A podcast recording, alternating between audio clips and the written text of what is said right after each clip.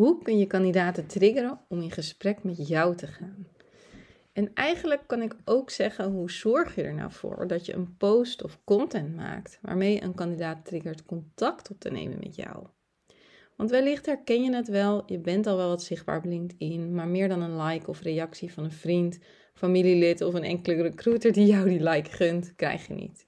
En dit terwijl je juist zichtbaar wilt zijn om kandidaten aan te trekken. Nou, welke ingrediënten zijn er voor nodig om een podcast succesvol te maken? En wat maakt dat je meer interacties krijgt op je post, zodat niet alleen je vrienden en familie je post liken, maar ook echt jouw doelgroep? En hoe zorg je ervoor dat je een kandidaat triggert om contact met jou op te nemen?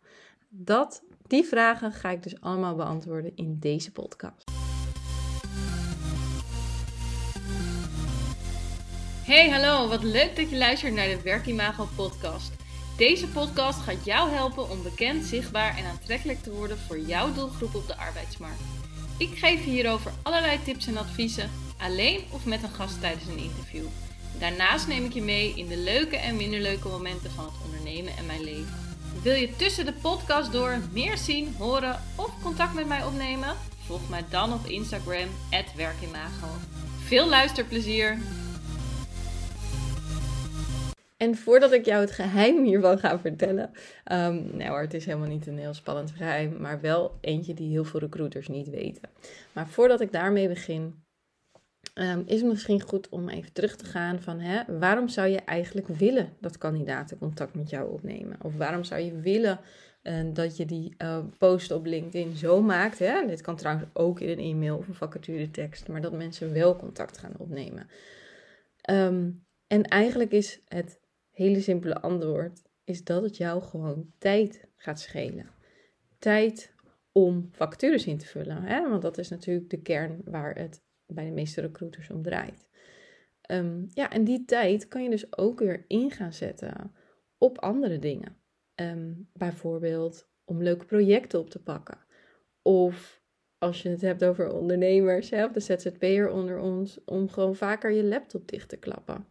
Of om um, een stukje ja, meer, um, ik wilde zeggen je ideale leven, maar dat is denk ik even niet de goede. Uh, meer, meer quality time, ook voor je gezin te, te pakken. Um, maar ook om dingen te gaan doen aan je bedrijf.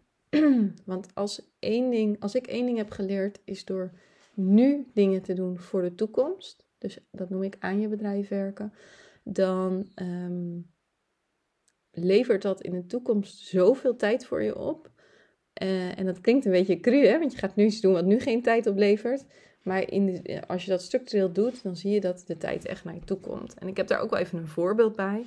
Ik werk bijvoorbeeld elke, uh, ik werk in de basis vijf dagdelen per week. Meestal is dat van half tien, half elf tot half twee. Um, en ik zorg dat ik minimaal twee ochtenden werk aan mijn bedrijf. Dus dan doe ik dingen um, die alles te maken hebben met de toekomst. Hè? En dat is bijvoorbeeld een LinkedIn-post. Nu vul ik geen vacature in of trek ik geen klant aan met die LinkedIn-post. Maar door dat vaker te doen, uh, gebeurt dat wel. Um, dus dat is een voorbeeld. Maar een voorbeeld kan ook zijn van, nou, ik wil bijvoorbeeld een uh, nieuw e-book maken of een boek schrijven of een nieuwe training. Dat soort dingen doe ik dus allemaal op die blokken. Uh, en dat kan jij dus ook doen als je bijvoorbeeld wil werken aan employer branding of processen verbeteren of aan de slag wil met recruitment marketing. Dat kan je in die blokken doen. En juist doordat ik dat zo structureel elke week doe, merk ik dus dat het elke keer makkelijker voor mij wordt om ook mijn bedrijf te runnen en te doen. Dingen komen op me af. Ik kan vaker kiezen of nee zeggen. Ja, dus dat zijn eigenlijk allemaal voorbeelden waarom je juist mensen wilt triggeren om, gesprek, in, om in gesprek te gaan met jou. En toevallig sprak ik van de week een uh, recruiter uh, die uh, is begonnen met heel erg zichtbaar worden op LinkedIn. En die zei ook, ja, ik doe het vooral voor de zichtbaarheid dat mensen me herkennen. Um, maar ik hoef er niet echt kandidaten mee te triggeren, want de kandidaten die, ik, die nu reageren, ja, daar kan ik toch niks mee. Dat zijn niet de types die ik bemiddel. En toen moest ik wel een beetje lachen, want juist wil je je content natuurlijk niet om zichtbaar te zijn en dat mensen je herkennen. Dat kan misschien een kleine reden zijn, maar je wil dat je kan die kandidaten triggert, die goede kandidaten, dat ze contact gaan opnemen met jou, zodat je die mensen wel kan bemiddelen. En ehm, nou ja, ik ga gauw door naar wat het geheim is wat ik je had beloofd. En dat zit hem in de AIDA-formule.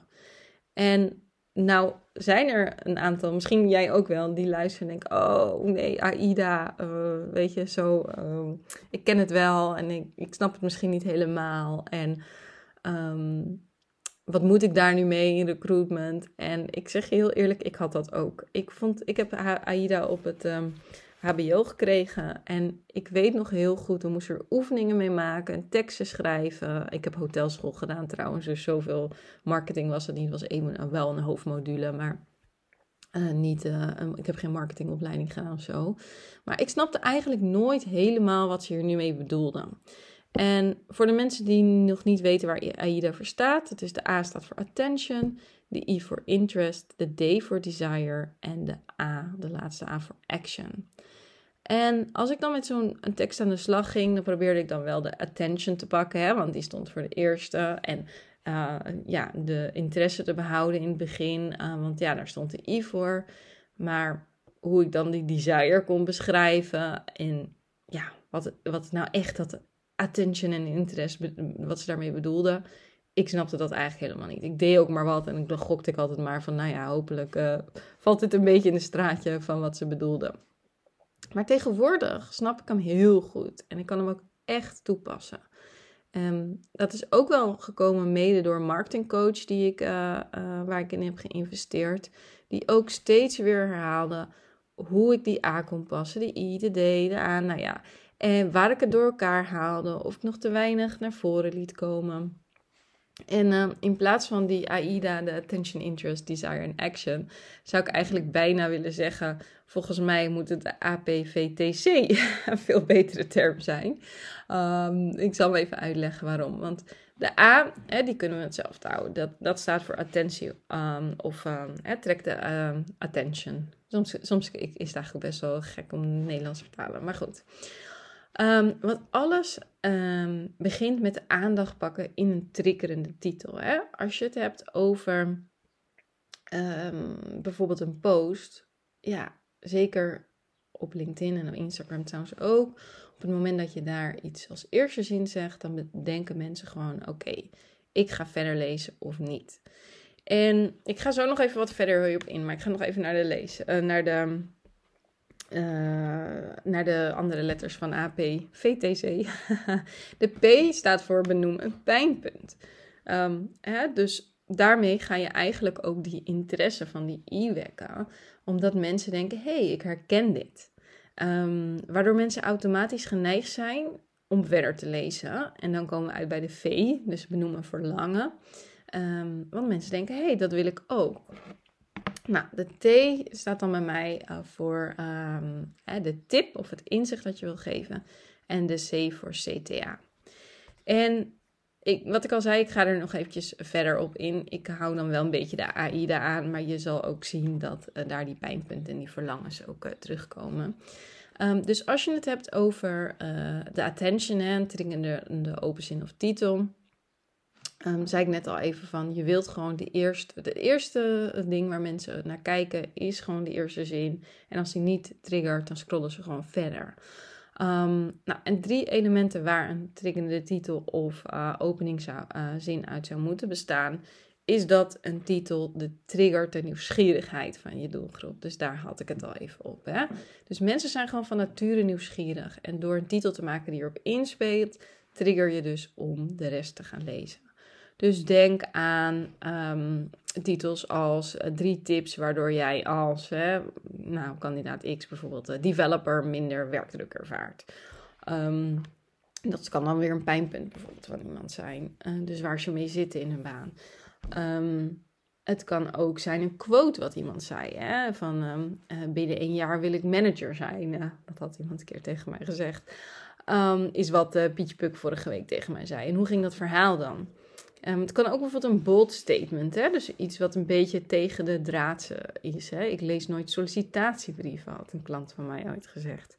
Uh, nou, daar gingen dus uh, eh, 300.000 views overheen en heel veel comments. Um, Nou ja, dus hè, een goede titel of een, ja, die, die triggert de nieuwsgierigheid. Het speelt ook in de titel op een pijnpunt of verlangen. En um, dat gaf ik je eigenlijk net ook al een beetje bij die ene, drie tips waardoor jij als developer bijvoorbeeld minder werkdruk ervaart. Want door een pijnpunt of een verlangen te benoemen, en als je trouwens niet weet uh, wat dat is, dan um, zou ik even zeggen, check nog even de podcast, uh, een eerdere podcast waarin ik dit ook in beschrijf. En dan ga ik natuurlijk even heel gauw kijken of ik de nummer kan uh, vinden, um, zodat ik je ook echt op weg help. Um, even spieken.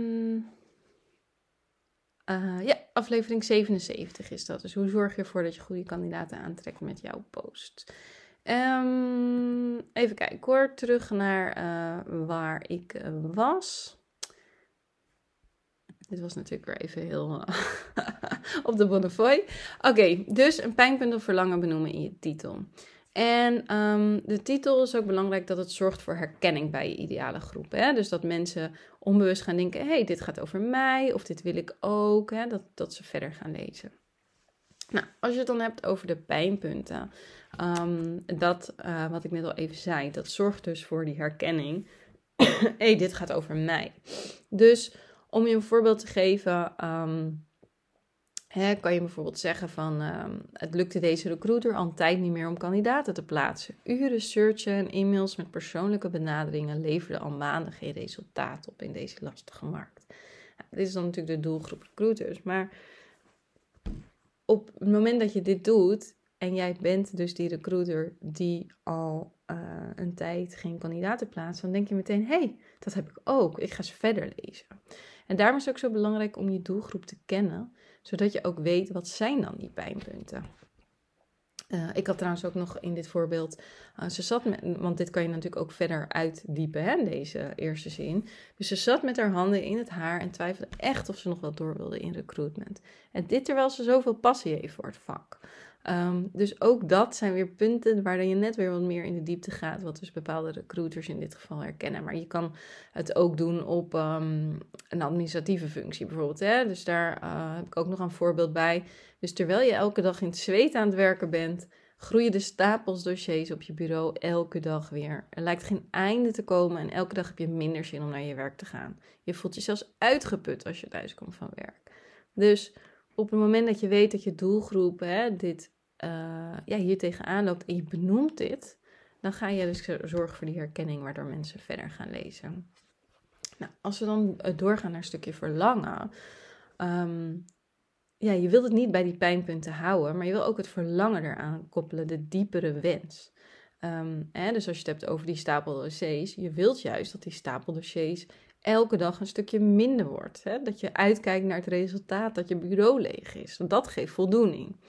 Um, en als je er dan nog ook een sterk woord aan toevoegt, bijvoorbeeld zodat, hè, zodat je het resultaat ziet van het keiharde werk dat je elke dag verricht. Eigenlijk had ik hem net al een beetje gedaan, want voor mij zit dat inmiddels in mijn natuur.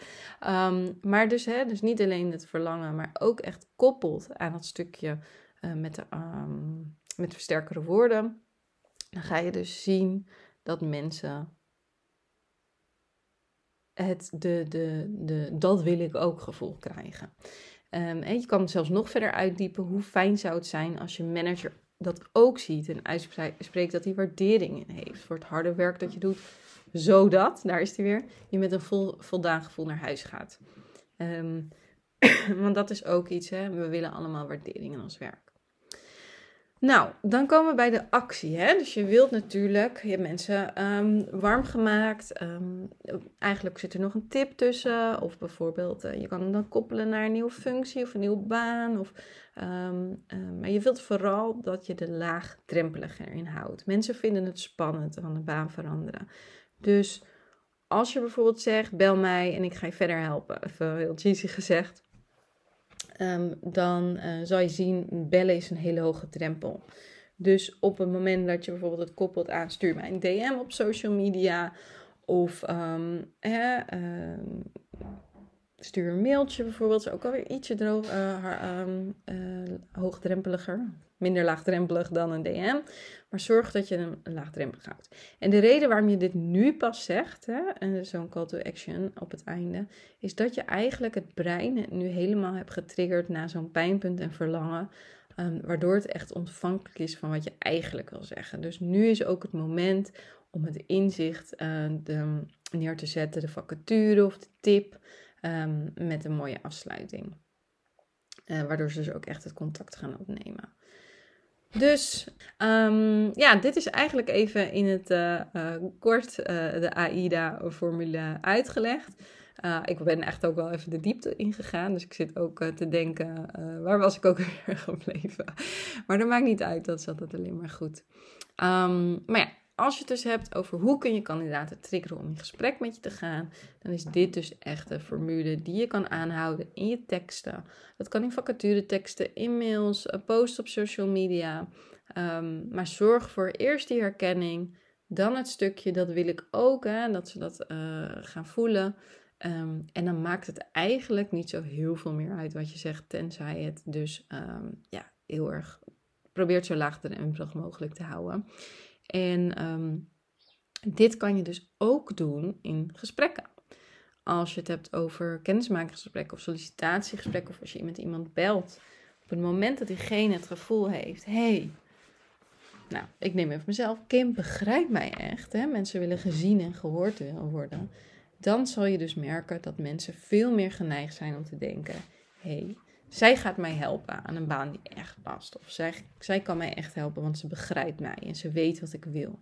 En daardoor krijg je dat onbewuste gevoel, waardoor dus die mensen veel meer, um, ik wil zeggen aan jou hangen, maar dat is denk ik niet het goede woord, maar veel meer jou gunnen. En onbewust, hè, want het, zit natuurlijk niet altijd helemaal in de gunfactor, um, dat jij ze kan helpen en dat ze voor jou gaan. Dus ja, dat was eventjes uh, een, uh, uh, deze podcast. Ik ga hem zo op deze manier afsluiten, want ik denk dat hij zo lang genoeg geworden is. En op het moment dat je zegt, joh Kim, heel leuk, ik heb het geprobeerd, maar het is toch wat moeilijker in de praktijk doorvoeren dan, dan de theorie is. Hè? Wat ik al zei, ik heb zelf ook echt daar hulp bij gehad. Um, maar ga vooral zelf proberen. En mocht je denken, joh, ik wil echt daar hulp bij en ehm, ik wil echt daar het verschil in maken, zodat ik inderdaad met mijn content die goede kandidaten kan aantrekken. Um, en dat stukje tijd ook overhoud om, uh, nou ja, vaker je laptop dicht te klappen bijvoorbeeld. Dan uh, zou ik zeggen, geef je even op voor een gratis groeicall. Um, dat kan via www.werkimago.nl slash gratis groeicall. En in die groeicall gaan we ook een stukje kijken naar, hey, waar wil jij nou naartoe? Welk groter perspectief zie ik voor je? En ja, ben ik degene die jou daarin verder kan helpen? Ben ik daarvoor de juiste persoon en uh, jij de juiste persoon voor mij? Um, dus ja, ik zal de link ook nog even in de show notes uh, zetten. En uh, wie weet spreken wij elkaar snel.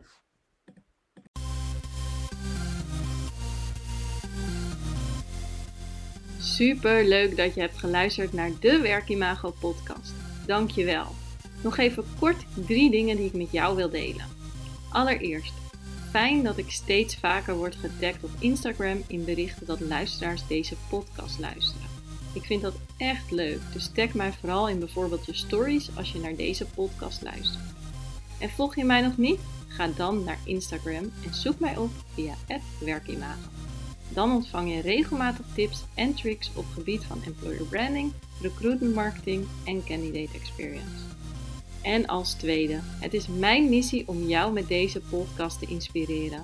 En omdat ik het super fijn vind dat je naar de podcast luistert, verloot ik regelmatig aan de luisteraars. Of een gratis coachcall waarin ik jou persoonlijk ga helpen. Of mijn e-book Bekend, Zichtbaar en Aantrekkelijk voor jouw doelgroep op de arbeidsmarkt. Net wat jij het leukste cadeau vindt. Wil je hier kans op maken? Geef de Werkimago podcast dan een review via de podcast app waarmee je deze podcast luistert. Stuur daarna een printscreen naar kim.werkimago.nl of via een DM op Instagram.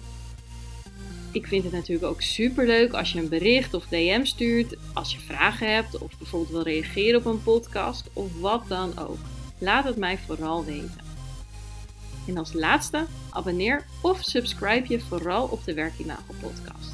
Dan ben jij een van de eerste die de nieuwste aflevering kan beluisteren. Heel graag tot de volgende keer.